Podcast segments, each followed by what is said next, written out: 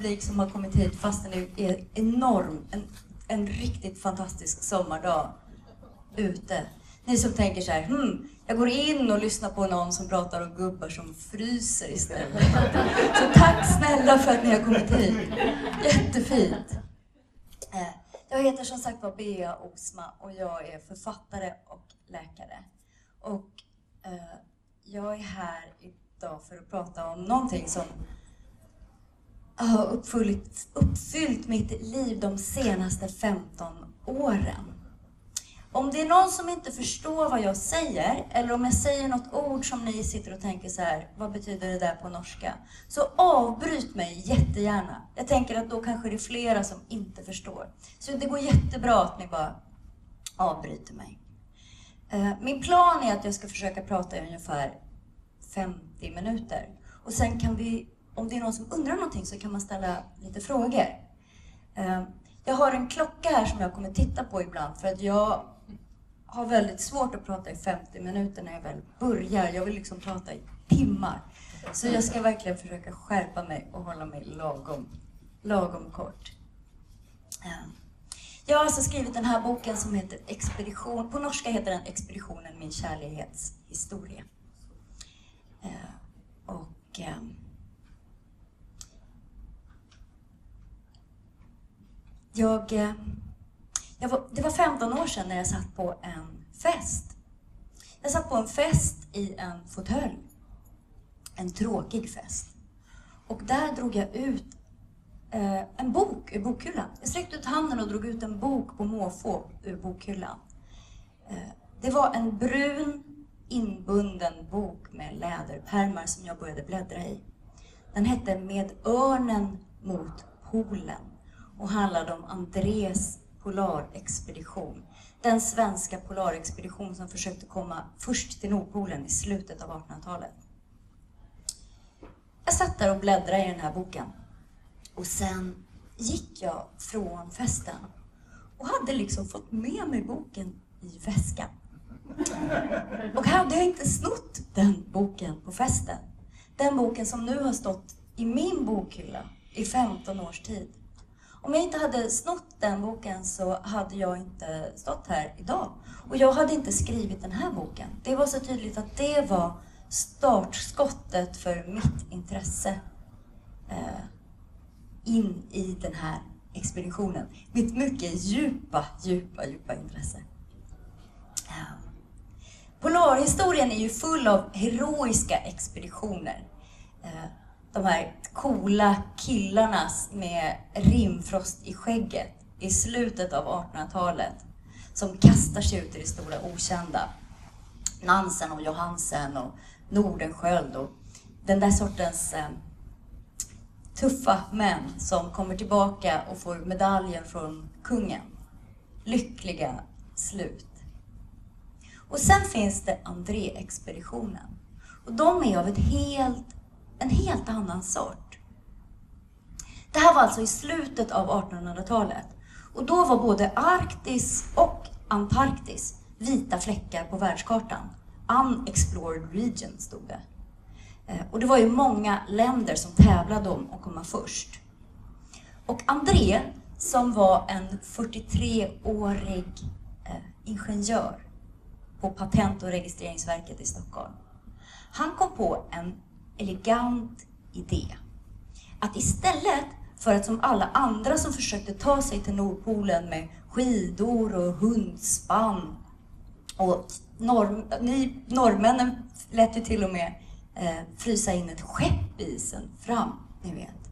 Istället för att hålla på på det här sättet så skulle André och hans två unga medhjälpare modernt och bekvämt glida i en hydrogengasballong, i korgen under en hydrogengasballong, över hela Arktis. Dricka champagne, äta färdigbredda smörgåsar. På detta sätt skulle de ta sig till Nordpolen. Jag ska nu visa några bilder. Den här bilden är tagen den 11 juli år 1897. Den är tagen på eh, Svalbard, För då hette det Spetsbergen. Så långt norrut som det fanns kartor, norr om den här platsen, finns det inga kartor längre. Då är det vita kartor. Och här på stranden på Danskön så har de fyllt upp en hydrogengasballong och ska åka till Nordpolen. Tanken är att de, de ska inte landa på Nordpolen. Där ska de bara kasta ner en stor boj. Högst upp kan man skriva, eh, man kan skruva av en grej och, skriva, och så ska de skriva ett meddelande som för att säga att vi var här först. Sen ska de fortsätta till fastlandet i Alaska, Kanada eller Ryssland. Det är här i själva planen. Under ballongen så sitter ett segel. Och André har räknat ut vid skrivbord i Stockholm hur det här ska gå till. Med sydlig vind i segeln och med långa släplinor som nu här ligger utsträckta på stranden. Men med långa släplinor som ska släpa på marken efter ballongen och den här sydliga vinden.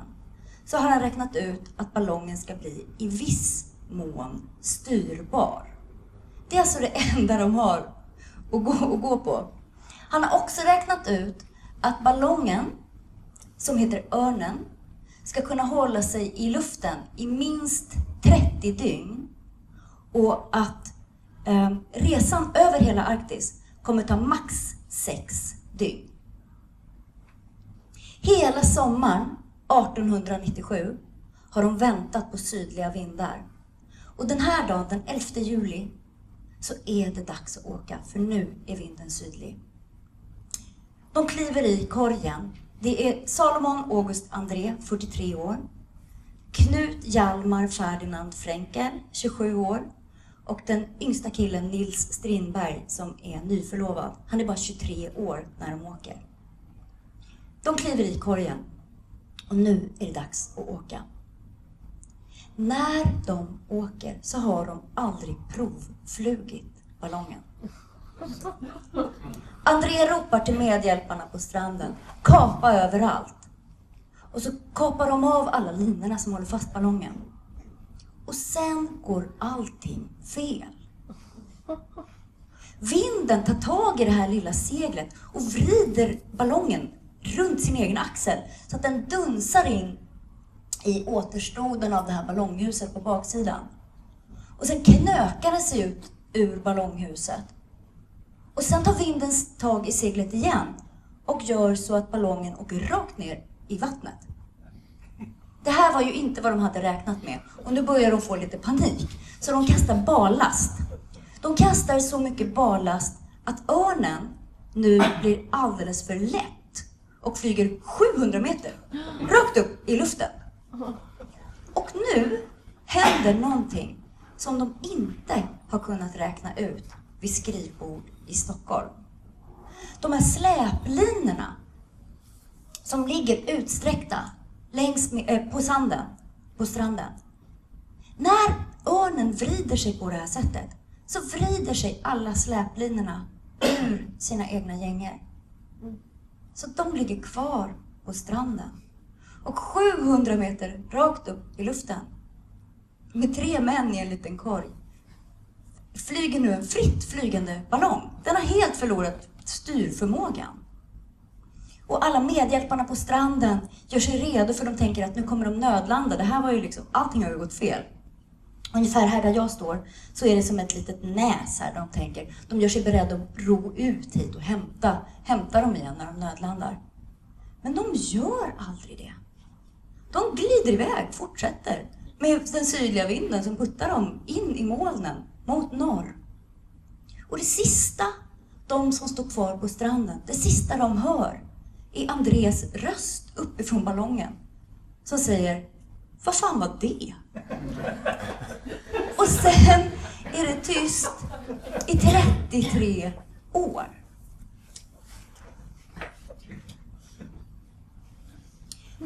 Jag var på det här stället för en vecka sedan. Det är så konstigt att komma hit till sommaren. Det här är en ö som heter Kvitöja. Den här bilden är så svår att se, men jag älskar den på samma gång. Den, den har liksom allt som är essensen av Kvitöja. Ni ser, det är liksom bara en smal, smal, smal strimma här. Mitt på bilden. Det är en glaciärö som ligger nordväst om Spetsbergen, mitt ute i eh, ishavet. Till den här ön har jag, nu är det mitt femte försök. Fem gånger har jag försökt åka dit och den fjärde gången kom jag i land. Alla de övriga gångerna så har det inte funkat. Den här ön brukar kallas för otillgänglighetens ö. För den är nästan alltid inbäddad i drivis. Så det är otroligt svårt att ta sig i land på den här ön. Den består bara av en stor, stor glaciär och sen så finns en liten stenstrand längst söderut. Den här bilden är tagen 1930, sommar 1930. Det var en sommar som var ovanligt varm. Den är tagen från däcket av ett fångstfartyg. De är på väg till ett helt annat ställe. Men när de ser att det är öppet vatten till Kvitöya så tänker de att de kan hämta färskvatten. För finns det en glaciär så vet man att det finns färskvatten. Och i land ror Olav Salen och Karl Tusvik som är två unga fångstmän, 19 och 21 år gamla. De ror i land först. Så kommer de i land på stranden. Och så går de där längs med bäcken för, eh, för att hämta vatten. Och när de går där så ser de helt plötsligt att det är någonting som ligger i sanden. Det är någonting som glimmar till. De böjer sig ner och så tar de upp ett burk, ett bläcklock. De tittar på varandra och de tycker att det är så underligt att på en av Arktis mest avlägsna platser så ligger det någonting som är gjort av en människa. Ett bläcklock. Och det här får dem att skärpa blicken. Och så tittar de, de börjar liksom titta runt och då ser de lite längre upp mot glaciären att det är någonting mörkt som avtecknar sig mot den vita snön. Och när de kommer upp så ser de att det är en stor, en fyra meter lång, trasig roddbåt. Eh, den har sidorna gjorda av segelduk och den är helt, den har vält på sidan. Den är fullproppad med saker. Eh, de går fram och kollar och så tar de upp det som ligger överst. Eh, det är en båtshake. Där står det Andres Pool X. Olav Salen och Karl Tusvik tittar på varandra och fattar inte vidden av vad det är de har hittat. För de är alldeles för unga. De har helt missat det här med André-expeditionen som var så stort och mediabevakat i slutet på 1800-talet. Men de var inte ens födda då. De står där med båtsaken i handen och så ropar de på skepparen. Och skepparen kommer dundrandes över sanden och han är gammal nog för att fatta vad det är de av en slump har snubblat över. Efter 33 år så har man hittat resterna av Andres sista läger på den här platsen, på den här stranden. Och det är därför jag har försökt åka dit så många gånger.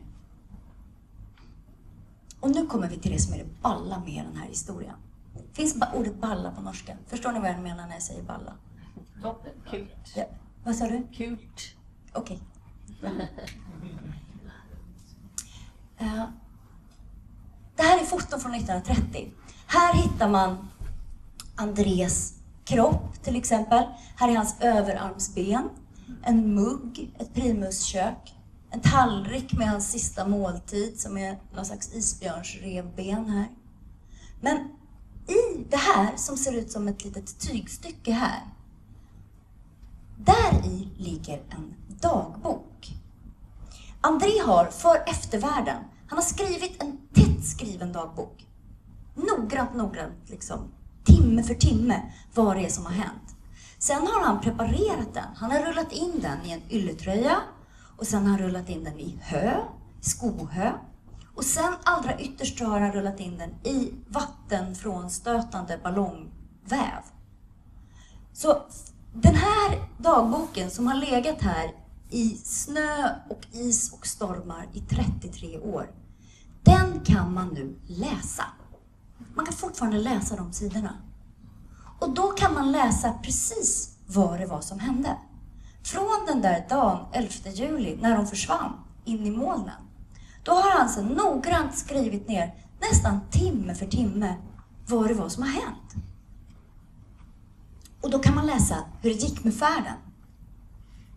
Eh, här är Spetsbergen. Härifrån åkte de. Här ligger dansken. De skulle ju hit och eh, släppa den stora bojen. Och sen skulle de fortsätta till Alaska, Kanada eller Ryssland. I packningen hade de med sig amerikanska dollar, ryska rubel, vita älghudshandskar och rosa sidenkravatter. Allt för att vara tjusigt förberedda för ett mottagande på andra sidan Arktis. I dagboken kan man läsa hur det går. Efter fyra dagar i luften så har örnen blivit så nedtyngd av väta och rimfrost. Förstår ni väta och rimfrost? Bra, tack. Eh, så den har helt tappat flygförmågan. Den orkar inte hålla sig i luften längre. Ni ser, den har åkt fram och tillbaka med vindarna. Och efter fy, fyra dygn i luften så börjar den dunsa i isen. Till slut dunsar den i isen varannan minut och de är tvungna att nödlanda. De kliver ut här, mitt på packisen. Tre män från Stockholm, helt oförberedda på det här. Hela idén med den här expeditionen var ju att man inte skulle ner på isen. Det var, liksom, det, var, det var hela vitsen med den här expeditionen.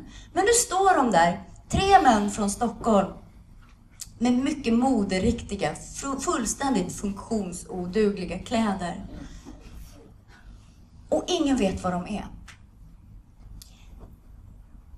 När de kliver i land så har de inte ens slagit rekordet om att vara den expedition som har kommit längst norrut. För det har Nansen och Johansen gjort två år tidigare på skidor. De har tagit sig med lätthet mycket längre norrut än, än André-expeditionen. Så de har inte slagit några rekord. Och de måste försöka gå tillbaka till fastlandet. Eftersom ingen vet var de är och det inte finns något sätt kommunicera på, så har man på förhand gjort, gjort upp, det finns några små hytter som är lite som uppsamlingsplatser. Eh, och de, tanken är att de kan försöka ta sig till någon av de här hytterna som ligger här längs med, det finns några liksom på olika ställen. De ska försöka ta sig dit, vänta till nästa vår och sen kan det komma en räddningsexpedition och leta på de platserna. Det är liksom enda sättet för dem att, att komma i kontakt med, med någon. Så de börjar gå söderut. De har den här dagboken som gör att vi kan läsa vad det var som hände. Men de har också med sig, och det här är ju helt galet, de har med sig en kamera. Eh, för att Nils Strindberg, den yngsta killen, han skulle från eh, ballongen så skulle han fotografera vad det var de åkte förbi. Ni vet, det, var liksom, det, fanns, det fanns ju inga kartor över de platserna. Så han skulle fotografera om det var något berg eller någon ö eller så. Och sen skulle han i efterhand göra nya kartor över de här platserna.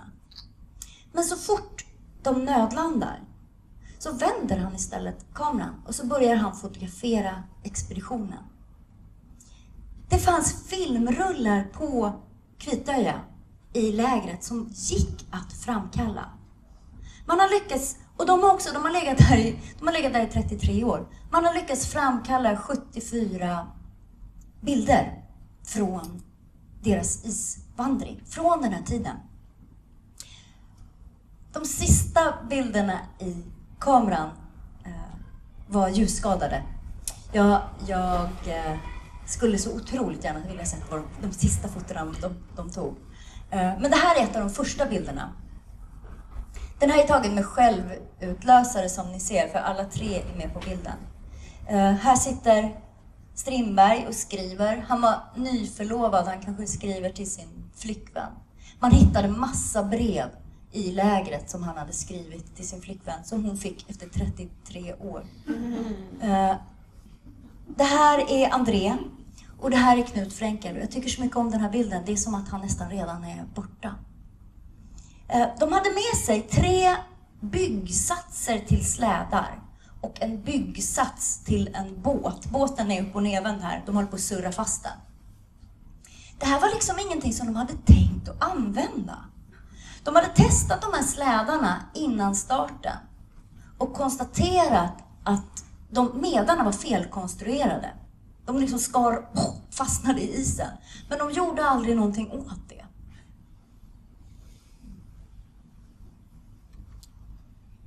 De börjar gå söderut på packisen. Eh, och jag, jag berättar att jag har gått väldigt djupt in i den här expeditionen.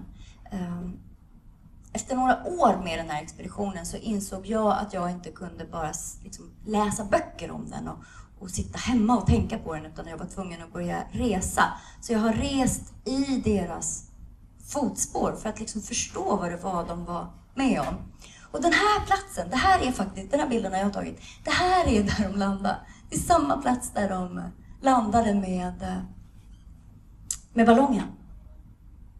Det här är smältvattensjöar. Så här ser det ut ofta på den arktiska packisen. Det är smältvattensjöar som har ett tunn, tunn, tunn isskorpa på sig. Och den håller inte för en människas tyngd. Så om man ska gå härifrån och dit, ni förstår hur krångligt det är att ta sig fram söderut. Sen är det en annan sak med den här isen också, som man inte märker. De märker inte det först. Men när, när man står på den där isen så har man ju liksom inget riktmärke som inte... Hur ska jag förklara det här? Isen är ju 3-4 meter tjock is och sen är det flera tusen meter vatten. Och isen rör sig hela tiden med strömmarna. Den flyttar på sig hela tiden. Men när man står uppe på isen så märker man inte det för att allt rör sig. Man har ju inget riktmärke som är stilla, utan allt rör sig och man märker inte. Och så, det händer när de ska börja gå söderut. De börjar gå söderut och isen under deras fötter rör sig norrut. Ni fattar vad som händer. De kommer ingen vart. Vissa dagar så släpar de på sina alldeles för tungt packade slädar i 16 timmar. Och så sätter de upp det här lilla tältet och så mäter Nils Strindberg med sextant hur långt de har kommit. Då har de kommit 800 meter på 16 timmar. Och sen sover de och sen så nästa morgon när han vaknar igen så mäter han och då har de glidit 800 meter tillbaka. Så vissa dagar så går de i en riktning men isen flyttar dem, in. alltså de går framåt men isen drar dem bakåt. De håller på i 88 dagar innan de kliver i land på Vita, eller på Kvittöja. Eh, det är en ö som inte ens finns med på kartorna 1897. Det är alltså en ö som inte finns. Där kliver de i land. Och sen är det något som händer. Och det här är det som är det riktigt spännande med den här expeditionen. Det är något som händer på den här ön. De klarar sig 88 dagar under fruktansvärda ansträngningar på isen. Men när de kommer i land på Kvitöja så dör de, en efter en. Det är någonting som händer. Och ända sedan man hittade dem 1930 så har läkare och författare och polarhistoriker hållit på och dividerat om vad var det som hände? Vad var det de dog av på den där ön?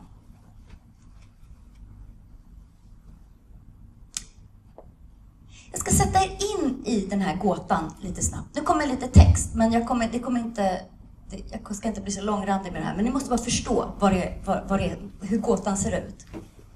Den 5 oktober så kom, kan man läsa i dagboken att de kommer i land på Kvitøya. Kvitøya är en fruktansvärd plats och när jag kom dit så ville jag typ lägga mig ner och dö. Det är så... Det är ett hemskt ställe som inte är gjort för människor överhuvudtaget. Men det går att överleva där. Det, alltså, förr i tiden, Eh, polarfarare övervintrade på de konstigaste ställena under de svåraste förhållanden. Och Kvitö är inte värre än något annat ställe. Det går att överleva om man har rätt förutsättningar. Nansen och Johansen övervintrade två år tidigare på Frans Josefs land som ligger på samma breddgrad. De klarade sig hur bra som helst och det här vet André-expeditionen om. De har inte svultit ihjäl, de har otroligt mycket mat med sig. Eh, de har skjutit isbjörn och storkobbe och fåglar. De har med sig ett stort, ett stort förråd med kött som ska räcka över hela vintern. För tanken är då att de ska försöka övervintra på den här ön. Eh, för att sen försöka ta sig till någon av de här depåerna, de här hytterna. Det är liksom deras enda chans. De har inte eh, svultit ihjäl. De har också möjlighet att smälta snö till vatten. De har en snösmältningskonstruktion på sitt primusköken. Och när man hittade primuset så testade man det 1930 och det funkade fortfarande. De har enormt mycket tändstickor, fyrstickor. Jättemycket fyrstickor. Och de har eh, paraffin till, till primuskökenet. De har, in, de har inte frusit ihjäl. Eh, det är väldigt många varma kläder i packningen som de inte har på sig. Eh, både jackor och mössor och vantar och tjocka tröjor och så. De har liksom inte satt på sig allt som, som, som, allt som de har med sig. De har två isbjörnsfällar och ett tält. Eh, de har en låda med mediciner. Det här är ju innan antibiotikan, så de har ingen antibiotika med sig. Men de har en låda med ganska bra mediciner som jag har gått igenom. Eh, de har tre fungerande gevär och lådvis med ammunition. Den 6 oktober, alltså dagen efter, så kan man läsa i dagboken att det är en snöstorm. Det var det även när jag var där förra veckan, kan jag säga. Jag kom, inte, jag kom, jag kom klev i land och så bara insåg jag att det här är för dålig sikt, det här blir farligt. Eh, och så var jag tvungen att kliva tillbaka i, i gummibåten. Den 7 oktober kan man läsa att de flyttar tältet. Den 8 oktober så sitter de inne i tältet, det snöar och sen är det någonting som händer. För här slutar André skriva dagbok, mitt på en sida. Tidigare han har liksom dag för dag skrivit otroligt noggrant och nördigt om varenda liten pinne som de har sett har han liksom ritat av och mätt och sådär. Här slutar han skriva dagbok mitt på en sida. Och han nämner ingenting om att Nils Strindberg dör. Han det är någonting som händer här som gör att Nils Strindberg dör. Den yngsta killen, som nu har fyllt 24. Han är den enda som har fått en grav. Han har blivit eh, nerpressad i en klippskreva och så har man lagt över honom ett tjockt lager sten. Men de skriver ingenting, de har inga anteckningar om att Nils Strindberg dör.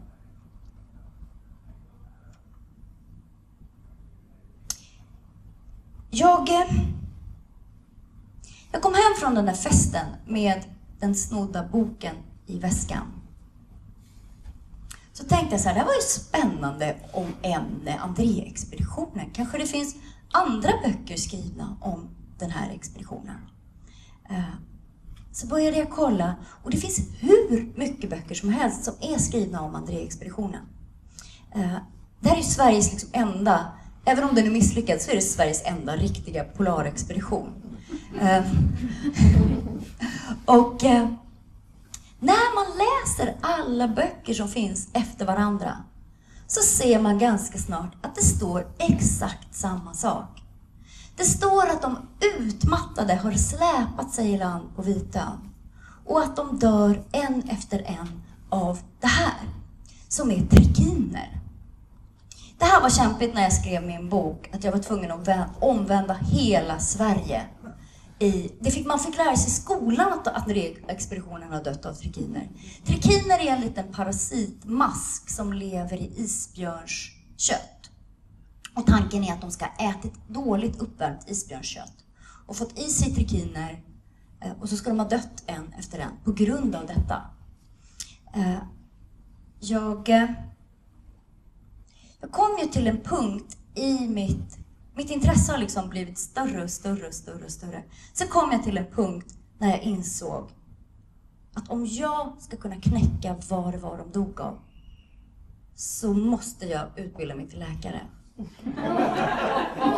Då var jag 36 år gammal och jag hade inte gått gymnasiet.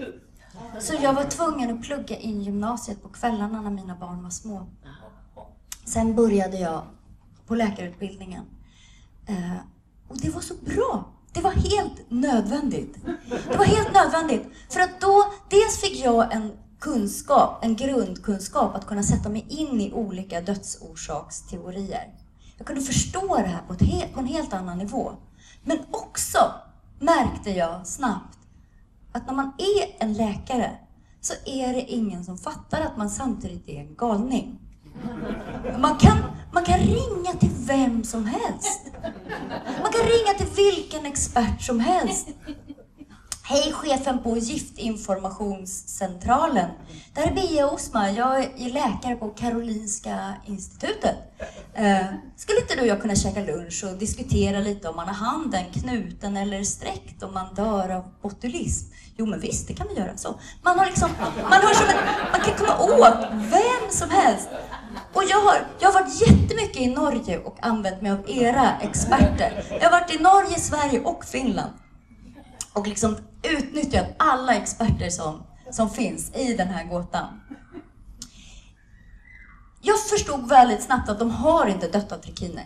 Dödligheten i trikinos är 0,3 procent. De hade säkert trikiner i kroppen.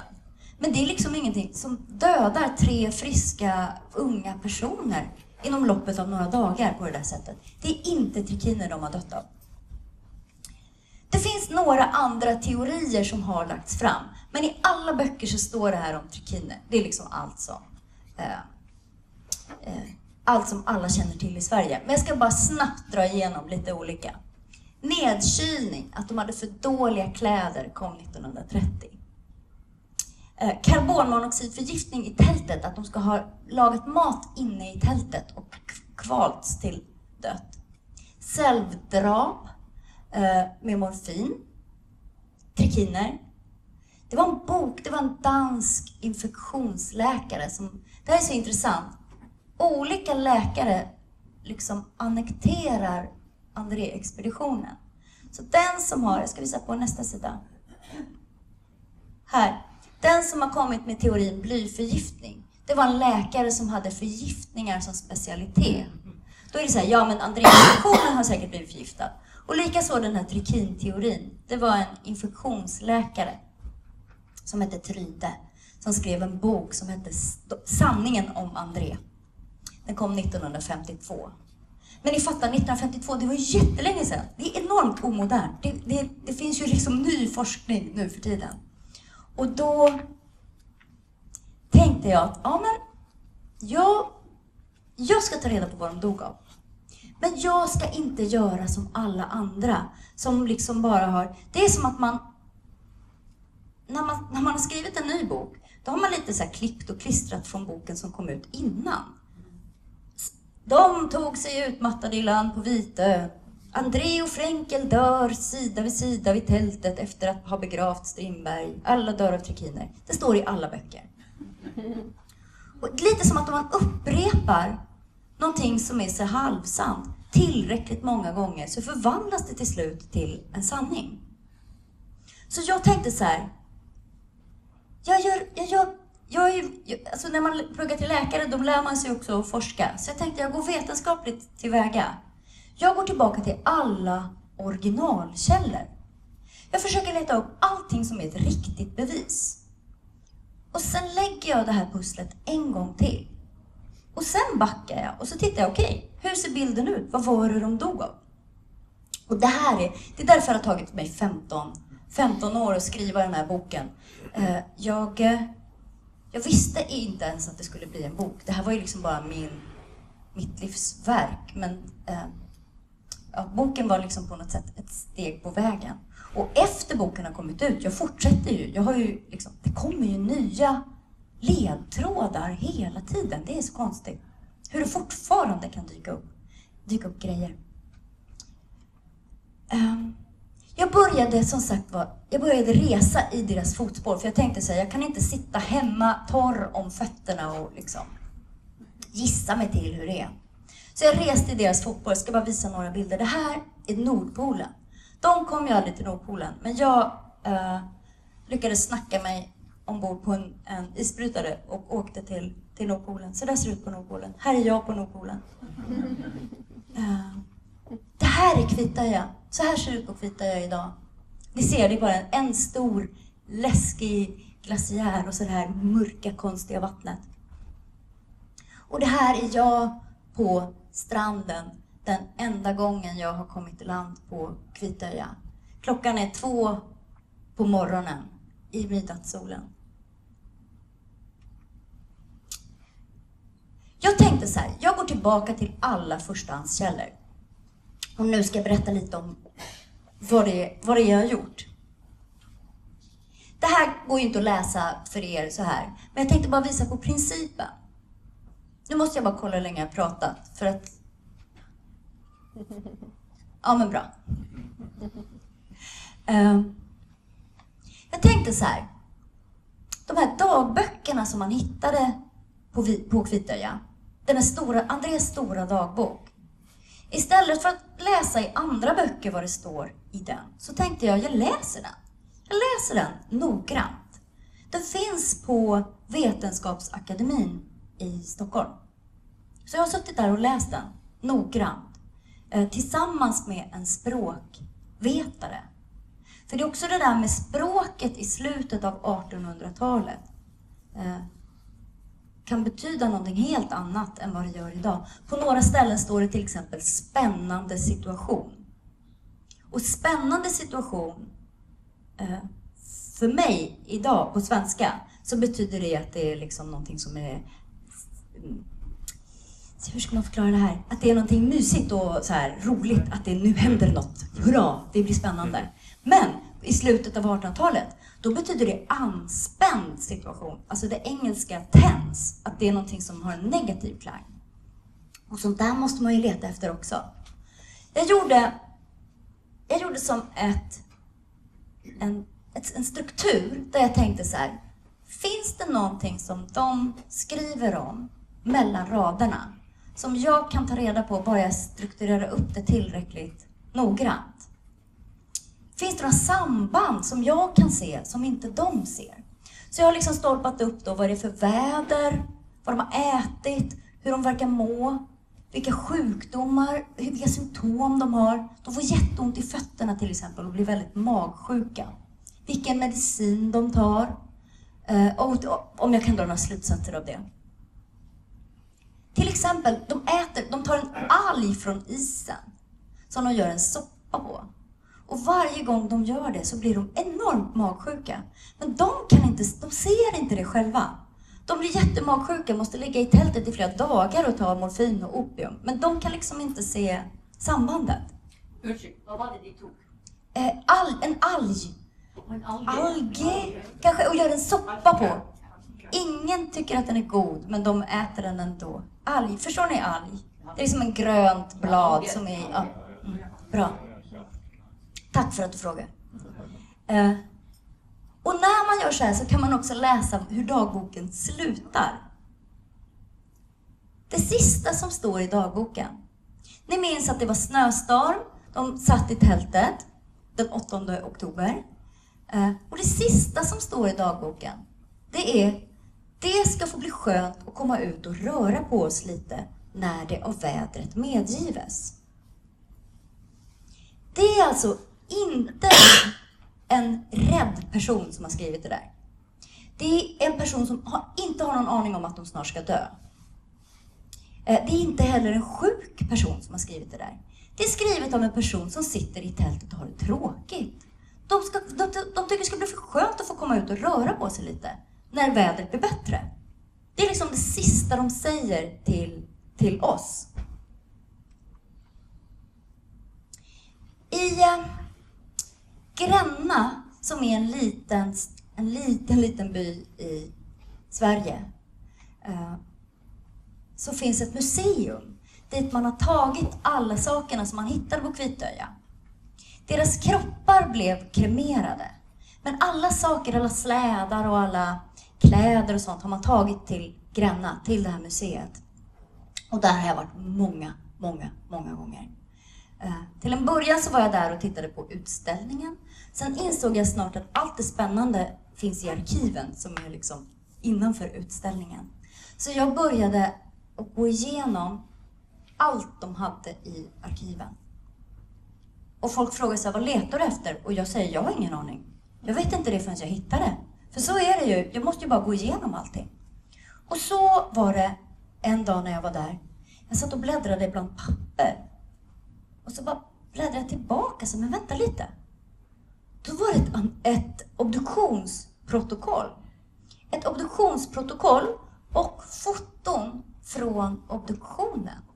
Man har gjort en obduktion på de här tre personerna i eh, Tromsö innan man eh, kremerade dem. Och det här är ingen som har skrivit någonting om förut. Och det är väldigt bra om man, eh, om man ska ta reda på vad någon har dött av, att det faktiskt finns ett obduktionsprotokoll.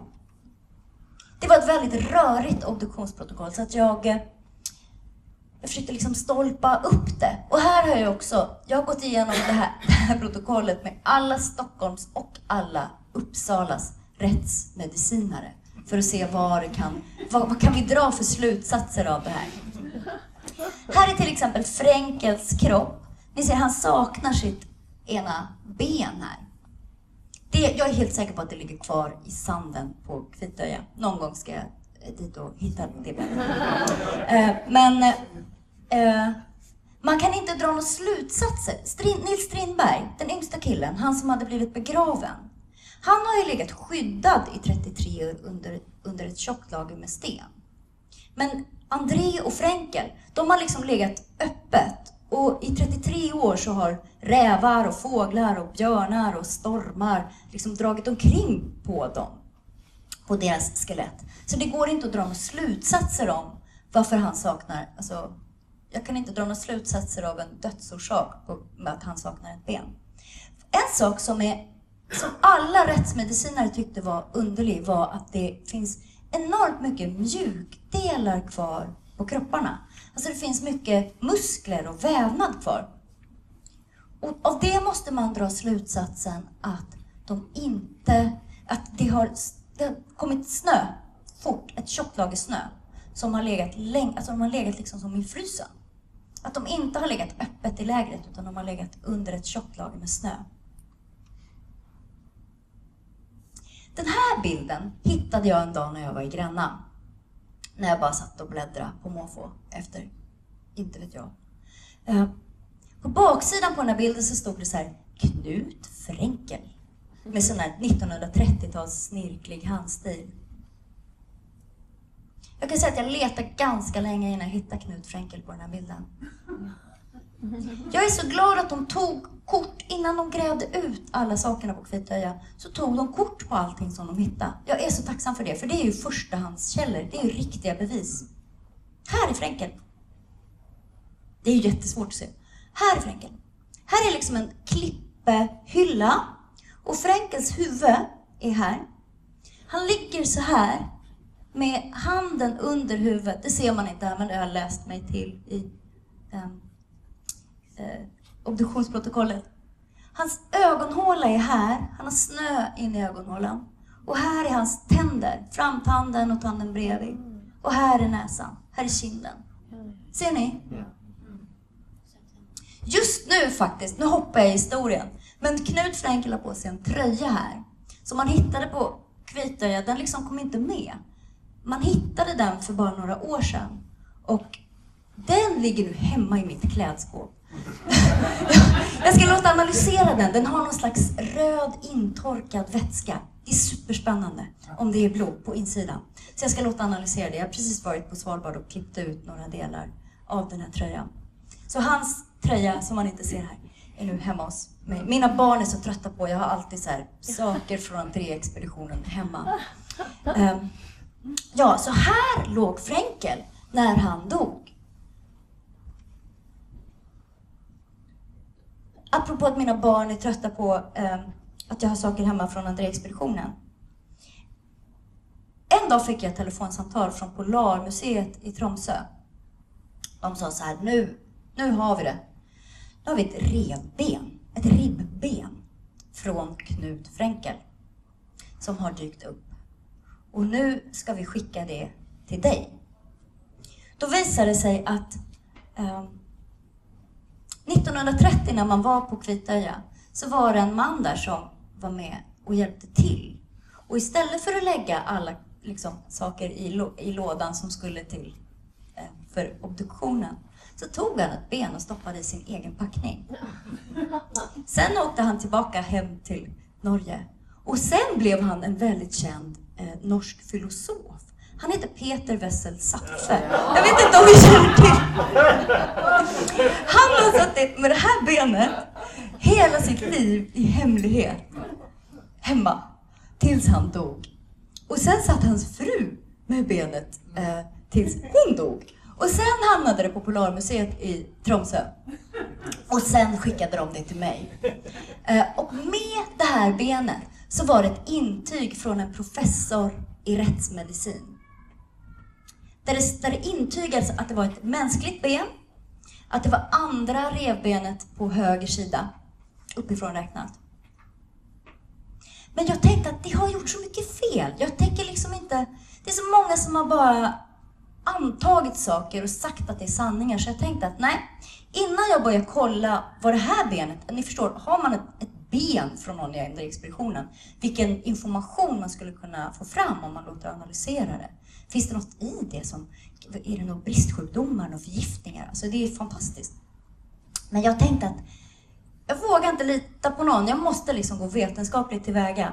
Så först åkte jag till eh, Naturhistoriska där de har en skelettsamling och jämförde med alla revben från alla djur som någonsin har satt sin fot på Vitön och människa.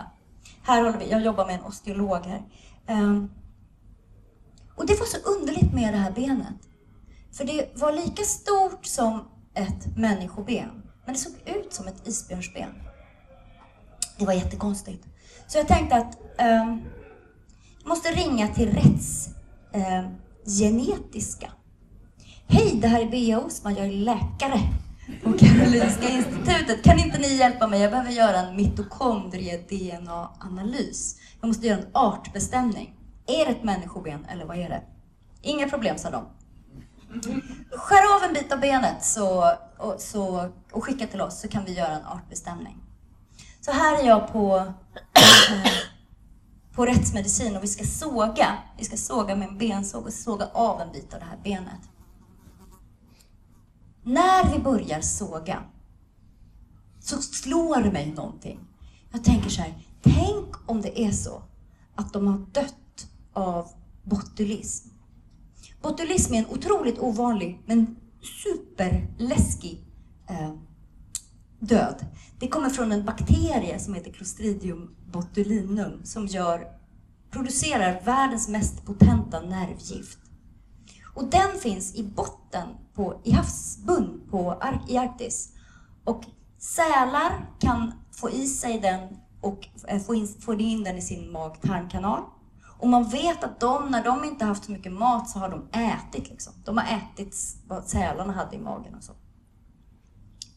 Saker, det läskiga med den här eh, bakterien är inte bara att den är, det är, världens mest, det är världens mest potenta nervgift.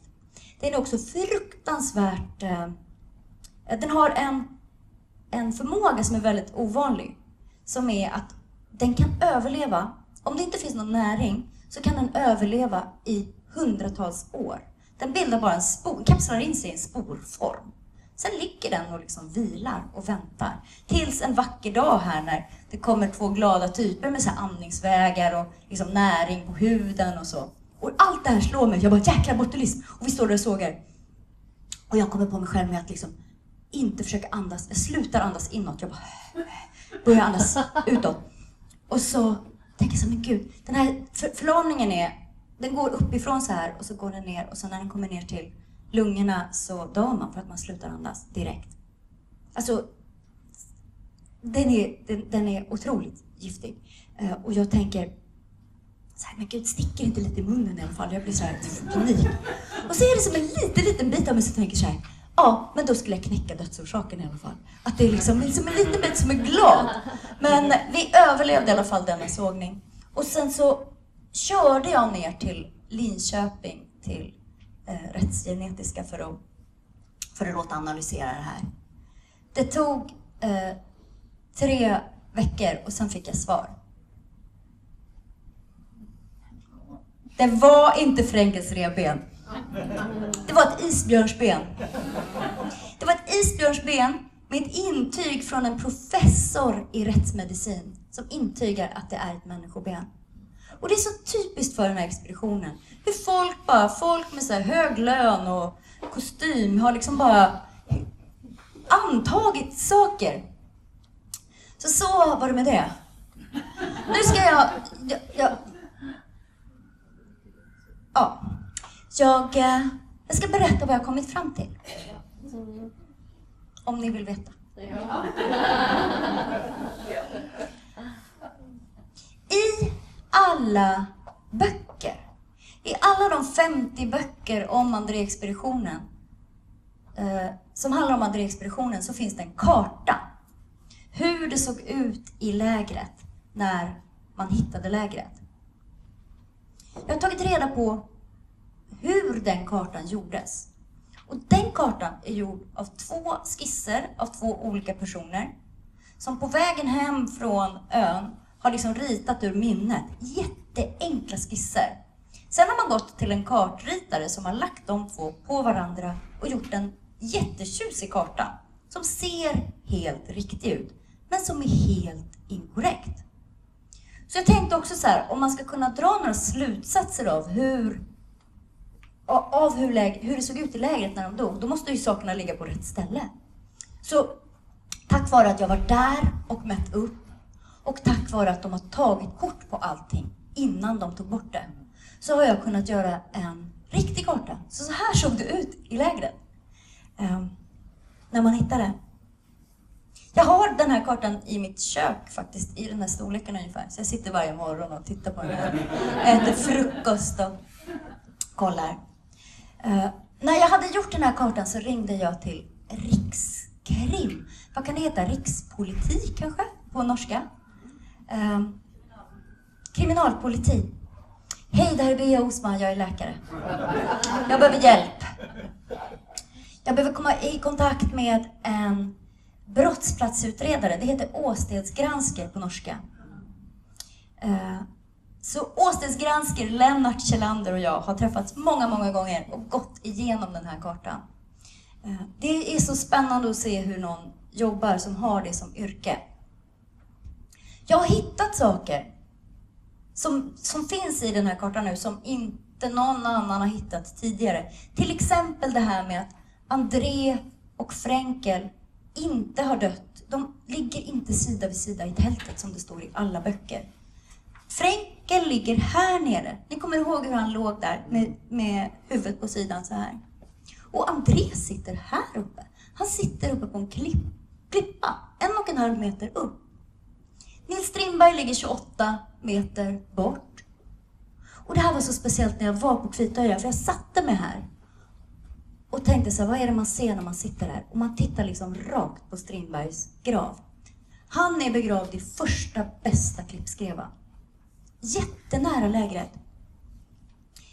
Jag har hittat ett rör med morfin som ligger precis bredvid Knut Fränkel när han dör. Eh, Medicinlådan är här. Eh, den är full med mediciner men morfinet har man plockat ut och det ligger bredvid honom när han dör. Om man läser i dagböcken kan man se att varje gång de har ont så tar de morfin. Det fanns några tabletter kvar i röret. Eh, Knut Fränkel har inga skor, ingen, inga vantar. Han är, liksom, han är inte påklädd. Han ligger i sovsäcken. Medan André sitter här uppe. Han har kängor, mössa, vantar. Han har geväret vid sin sida och patroner i fickan. Han sitter på vakt. Han sitter på vakt. Det underliga om man är en åsiktsgranskare som, som tittar på den här bilden, det är det här. Det här är det allra konstigaste. Kommer ni ihåg att det var en snöstorm? Det allra sista de skriver är att det är en snöstorm. Här ligger de andra två gevären. Det är 12 meter, här är tältplatsen. 12 meter till tältplatsen. Det är något otroligt tillfälligt med att de där gevären ligger där. Man lämnar liksom inte gevär ute i snöstorm. Om det är snöstorm tar man in gevären in i tältet. Annars bildas det som en isplugg inne i, i pipan. Så det är något jättekonstigt med det där. Um, nu ska jag ge er min teori. Och det här är svårt för att jag har hållit på i 15 år och letat detaljer. Och för att ni ska förstå hur väl underbyggd den är så borde ni varit med mig i 15 år. Men tro mig att, att den, den är underbyggd. Så det, jag kan liksom inte rabbla allt jag hittat. Men en dag var jag i Gränna igen. Och så hittade jag en katalog från 70-talet där det fanns ett litet kort, jag satt och bläddrade, där det stod Nils Strindbergs långkalsonger. Och jag tänkte, men vadå? Jag var helt säker på att de hade slängt hans kläder vid obduktionen. Alla kläder som ställs ut på museet i Gränna är jättefina. För på 70 och 80-talet då ville man liksom klippa bort alla trasiga delar och laga allt och sånt där. Så att allt, det är så tråkigt. Men alla kläder är liksom hela. Det ser ut som köpekläder. Ehm, men Nils Strindbergs långkalsonger, som vi då hittade längst in i, på en hylla, var det ingen som hade brytt sig om att laga. Det var liksom ingen som hade packat upp dem. De var fulla med så sand och så när jag tog upp dem. Jag la upp dem, det var två par kalsonger och jag la upp dem på bordet framför mig. Och sen var det liksom som att det blev lite så här, Det slog lite slint i huvudet. För om jag visar er de här kalsongerna och säger så här, Ser ni något som saknas? Ser ni något som saknas på de här kalsongerna? Det, det tog mig en liten stund innan jag fattade att, men gud, de, det, ett ben är borta. Det ena benet är borta. Och det såg exakt likadant ut på båda paren. Det ena benet var borta. Och så om man kollar den här kanten. Ni vet om man har väldigt slitna kläder, att de kan gå av, då brukar det gå tråd rakt av. Alltså liksom om man rycker i något så går det tråd rakt av. Har ni sett den här kanten? Har ni sett formen på det som har slitit av de här kalsongerna? Det här är bara en liten del av en indiciekedja som jag har gjort. Eh, som har blivit godkänd av de politierna på Rikskrim. Eh, om att Nils Strindberg blir eh, dödad av en isbjörn. De kommer helt av sig. De har träffat isbjörnar tidigare under den här vandringen. Men första gången blir de jätterädda. Andra gången blir de ganska rädda. Den tionde gången så, ja men du får gå ut och skrämma iväg den. Alltså de förstår inte att de utsätter sig för 100% fara varje gång. Nils Strindberg blir dödad av en isbjörn. Knut Fränkel blir skadad i samma attack. Det är därför han har morfinet här. Det är därför han inte har sitt... Han kan inte försvara sig, han är för skadad. Han, det är därför han inte har eh, sitt gevär med sig. Och det blir jättespännande nu om det är blod, den här tröjan som jag har hemma i skåpet. Eh, men han har alltså, på kläderna har han en röd, brun, intorkad vätska som jag nästa vecka ska skicka för analys. Eh, han blir skadad i samma attack. Och nu är det André kvar. Salomon August André, 44 år, har han nu fyllt. Sitter på en ö som inte finns med på kartorna. Han har dragit sina två unga medhjälpare i döden. Och nu vet han om att han också ska dö. Den här björnen som han har försökt skjuta men som inte har dött utan han har skrämts iväg. Det var, liksom, det var den första björnattacken men det är inte den sista. Där sitter han och snart kommer mörkertiden. Det är två veckor kvar till mörkertiden kommer. Och då är det mörkt i många, många månader. Nu vet han om att han ska dö. Och då gör han det här till oss, att han tar sin stora dagbok och packar in den. Och dör där uppe på klippan med dagboken bredvid sig. Och jag vet inte om det är så att han tar lite morfin bara för att han tar inte så mycket morfin att han dör av det. Men det behövs bara en tablett eller två så, som, så vaknar man inte när man fryser. Men han är den sista att dö och han vet om att han ska dö. När, när det här är där. Han gör den sista gesten. Oh. Visst är det spännande? Bara prata hål i huvudet på er. Ehm, jag, eh,